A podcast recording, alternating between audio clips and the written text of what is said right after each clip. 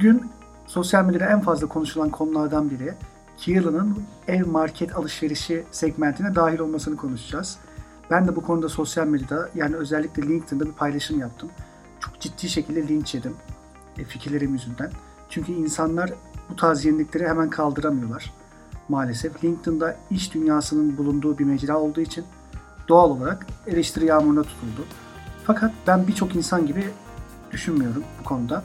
Ben Keelan'ın yaptığı girişimi gayet başarılı, gayet yerinde buluyorum. Şu an bu saatlerde Sertaç Doğanay ve Keelan temsilcisinin canlı yayını var. Ben de podcast'ini çektikten sonra hemen izlemeye dahil olacağım. Acaba Keelan bu girişimi neden yaptı, niye yaptı diye. Fakat ben bu canlı yayını izlemeden podcast'i çekmek istedim çünkü kendi fikirlerimi beyan etmek istedim. Keelan'ın yaptığı bu girişim gayet mantıklı. İnsanlar Keel'ı şu şekilde eleştiriyorlar. Madem marka olmak istiyorsunuz, bu dönemde markanızı önde tutmak istiyorsunuz. İşte şunu satsaydınız, bunu satsaydınız, hediye çekiverseydiniz. Ama şunu anlamıyorlar.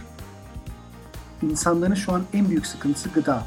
Mesela Migros sanal markette bile bir sipariş verdiğimiz zaman şu an 3-4 günden önce gelmiyor, teslim olmuyor. Zaten getir ve bana bir bakkal üzerine kurulu sistemler.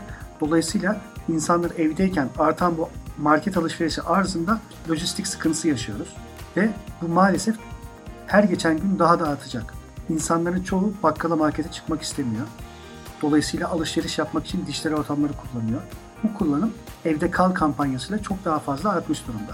Örneğin Keelan sitesine girdiğinizde ev market alışveriş segmentine baktığınızda ürünlerin diğer sitelerden çok daha ucuz olduğunu, uygun olduğunu göreceksiniz. Kar odaklı bir çalışma yapılsaydı eğer ürünlerin ücreti diğerlerinden uygun olmazdı. Çünkü insanlar ne olursa olsun şu an gıda almak zorunda. Kiyalı eğer bunu yapmayıp hediye çekiverseydi insanlara, insanlar şu an ekonomik krizde sadece gıda ihtiyacı varken gidip takım elbise mi alacaktı?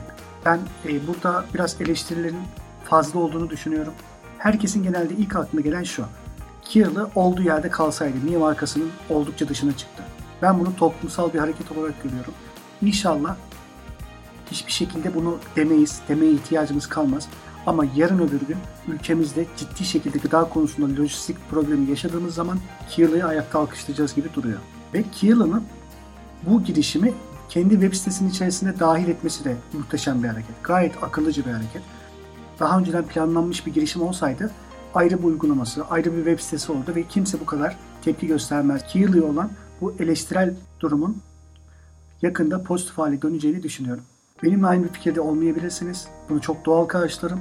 Ama lütfen sosyal medyada sizinle aynı şekilde düşünmeyenlerin paylaşımlarının altına çizginizi aşan yorumlar yapmayın. Çünkü bu fikir özgürlüğünden biraz daha aşırıya kaçıyor. Teşekkür ederim. Yeni bölümde görüşmek üzere. Hoşçakalın.